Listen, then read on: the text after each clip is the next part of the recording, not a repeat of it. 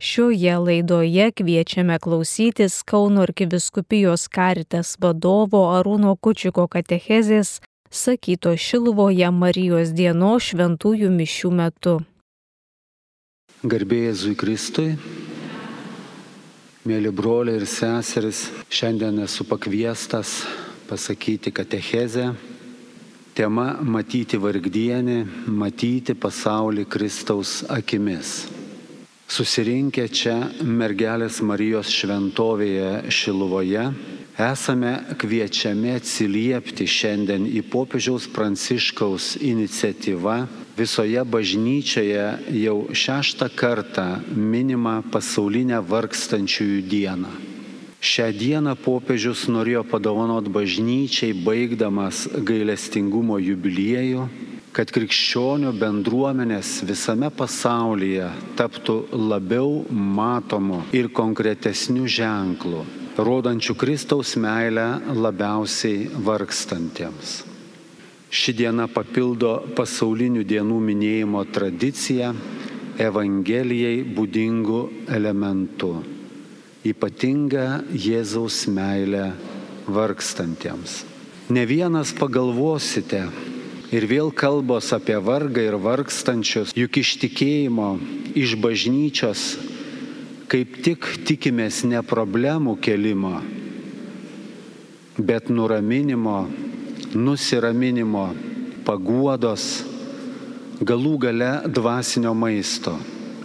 Kita vertus galima suprasti ir pateisinti, kai apie vargstančių padėtį kalbama pasiturintiems žmonėms kurie galėtų paukoti iš savo turimo turto pertekliaus vienai ar kitai vargo mažinimo iniciatyvai. Tačiau ar čia Šilvoje, Šilvos bazilikoje, o ir kitose šventovėse besimeldžiantis tikintieji yra tokie turtingi.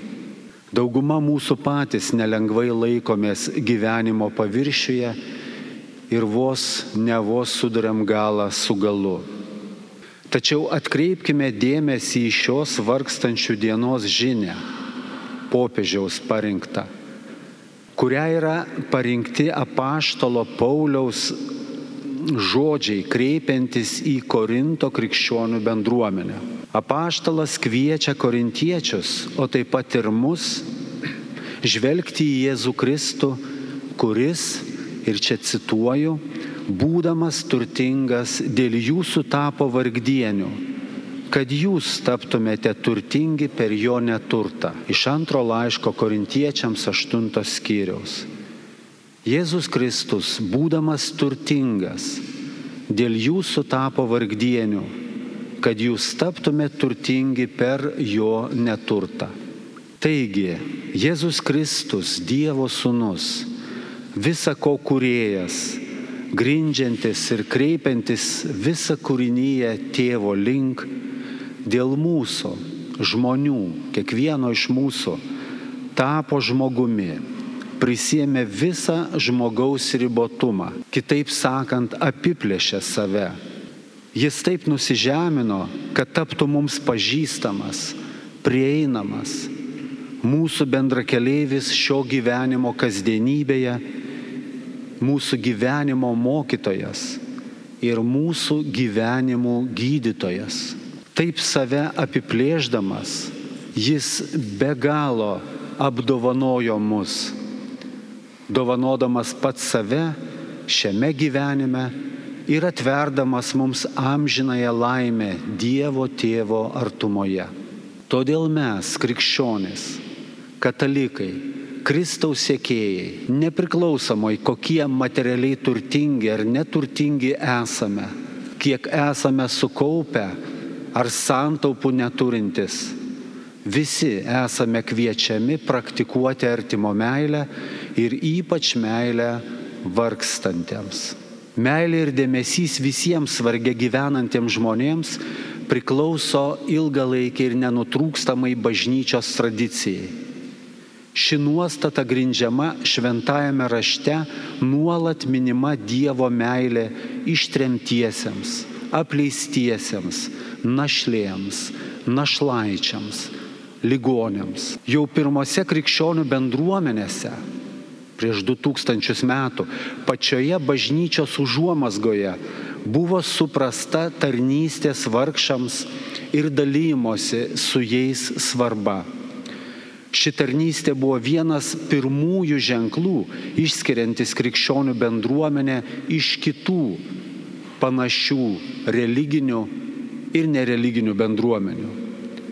Jau pirmosios bendruomenės suprato, jog Jėzaus mokiniai, jog Jėzaus mokinių gyvenimas turi reikštis broliškumu, kad atitiktų pamatinį mokymą mokytojo Jėzaus, vadinusio vargdienius palaimintais ir dangaus karalystės paveldėtojais. Mato Evangelijoje penktam skyriuje. Bažnyčios istorijoje būta tokį stiprų tikėjimą ir taip atvirą širdį vargšams turėjusių žmonių, kurie paskyrė savo gyvenimą visuomenės atstuntiesiems. Juos bažnyčia pakėlė į altorių garbę, paskelbė šventaisiais. Šventą Lauryną, šventą vyskupą Mikalojų, šventą Pranciškų Asižietį, šventą Vincentą Paulietį šventąją motiną Teresę.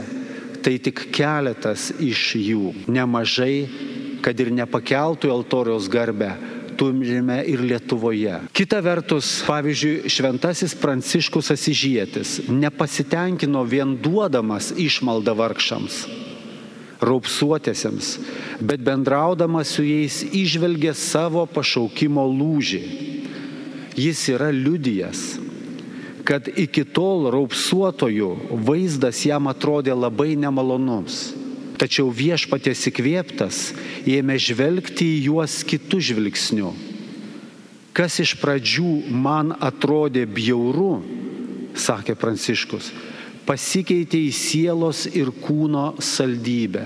Šis liudimas parodo keičiančią meilės galę ir krikščioniško gyvenimo stilių, kaip sakytų dabartinis popiežius Pranciškus. Šie ir daugelis kitų šventų vyrų ir moterų išdryso pamatyti vargšus, prisertinti, pasilenkti prie jų.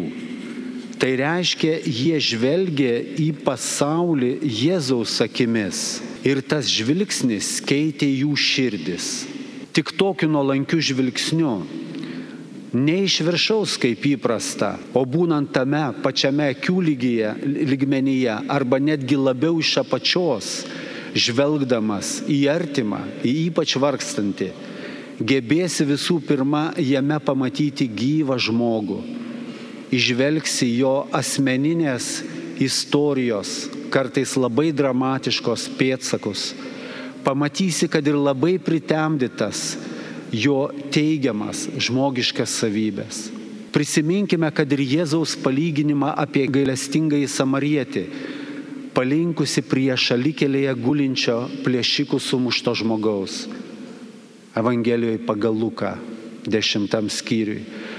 Prisiminkim ir patį Jėzų pasilenkusi ir tarsi iš apačios žvelgiant į svetimavimų kaltinamą moterį ir ją atvedusius fariziejus ir rašto aiškintojus, kurie ketino ją užmušti akmenimis. Evangelijoje pagal Joną 8 skyriuje tai aprašyta. Sažiningai pasižiūrėję į save, manau, daugelis pasakysime, tokie meilės vargstantiems reikalavimai yra mums sunkiai pakeliami ir beveik neįmanomi įgyvendinti praktiškai. Net ir turėdami prieš akis tokius šventųjų gyvenimo pavyzdžius, norisi sakyti, aš nesu toks tobulas ar tobula ir greičiausiai nepajėgsiu tokiu ar tokia tapti. Nors iš karto į galvą šauna ir nurimti sąžiniai neleidžia kita Jėzaus pasakyta mintis Jėzaus žodžiai užrašyti Evangelijoje pagal matą penktam skyriui. Būkite tokie tobuli, kaip jūsų dangiškasis tėvas yra tobulas. Tiesa, šie žodžiai buvo ištarti Jėzui mokant apie meilę priešams. Tačiau tuo labiau jie tinka kalbant apie žvilgsnio ir širdies atvirumą santykėje su vargstančiais. Taigi, matyti vargstantį, stokojantį, kenčianti, reiškia matyti pasaulį Jėzaus Kristaus akimis, sekti Kristumi, būti jo mokiniu, siekti tapti labiau panašiems į jį. Mėlyjeji, tegul tokie aukšti reikalavimai mūsų neišgazdina. Neverčia galvoti, arba viskas, arba nieko. Jeigu negaliu būti toks tobulas, nu tai kažkaip gyvensiu taip, kaip išeis. Ne. Mes esame tikėjimo ir panašėjimo į Kristų kelyje. Vienur mums sekasi geriau, kitur reikia daugiau pastangų, nusiteikimo, ūkdymosi. Ir žinoma, kas svarbiausia, nenustojant melstį Dievo malonės ir šventosios dvasios lydėjimo. Patirtis rodo, kad be tokio šventosios dvasios lydėjimo, kalbinimo ir keitimo mūsų širdžių iš vidaus, mes greičiau tapsime pilietiniais ar politiniais aktyvistais, manančiais gali pakeisti visuomenę ir panaikinti vargą ir skurdą. Žinome, prie ko privedė tokių visuomenių kūrimo eksperimentai. Tai nereiškia, kad nereikia stengtis keisti visuomenę, bet ne prievartą, ne išorę, o pirmiausia vidiniu nusiteikimu kiekvieno mūsų asmeniškai. Todėl galvodamas apie neskubų, bet nuoseklų širdies ir nuostatų keitimą noriu pasidalinti keletų konkrečių savęs ūkdymo žingsnių, kurie padėtų tapti labiau jautresniems ir jau tuo met ir veiklesniems, vargstančių, nenorimų, nepastebimų, atskirti patiriančių žmonių atžvilgių. Juk būtent Dievo tautos santykis su tokiais žmonėmis buvo senųjų Izraelio pranašų ir Jėzaus dėmesio centre. Taigi penki žingsniai ar penki elementai. Pirmas. Išdrįskime pastebėti vargo situacijas ir vargstančių žmonės. Esame linkę vengti kontakto su tais žmonėmis, nebent jie yra mūsų giminės, artimieji. Šiaip jau nedrįstam pažvelgti jiems į akis, ne tik įmesti pinigėlį, bet paklausti vardo, pakalbinti nors šie žmonės liudija, kad juos labai žaidžia mūsų nenorėjimas juos pastebėti.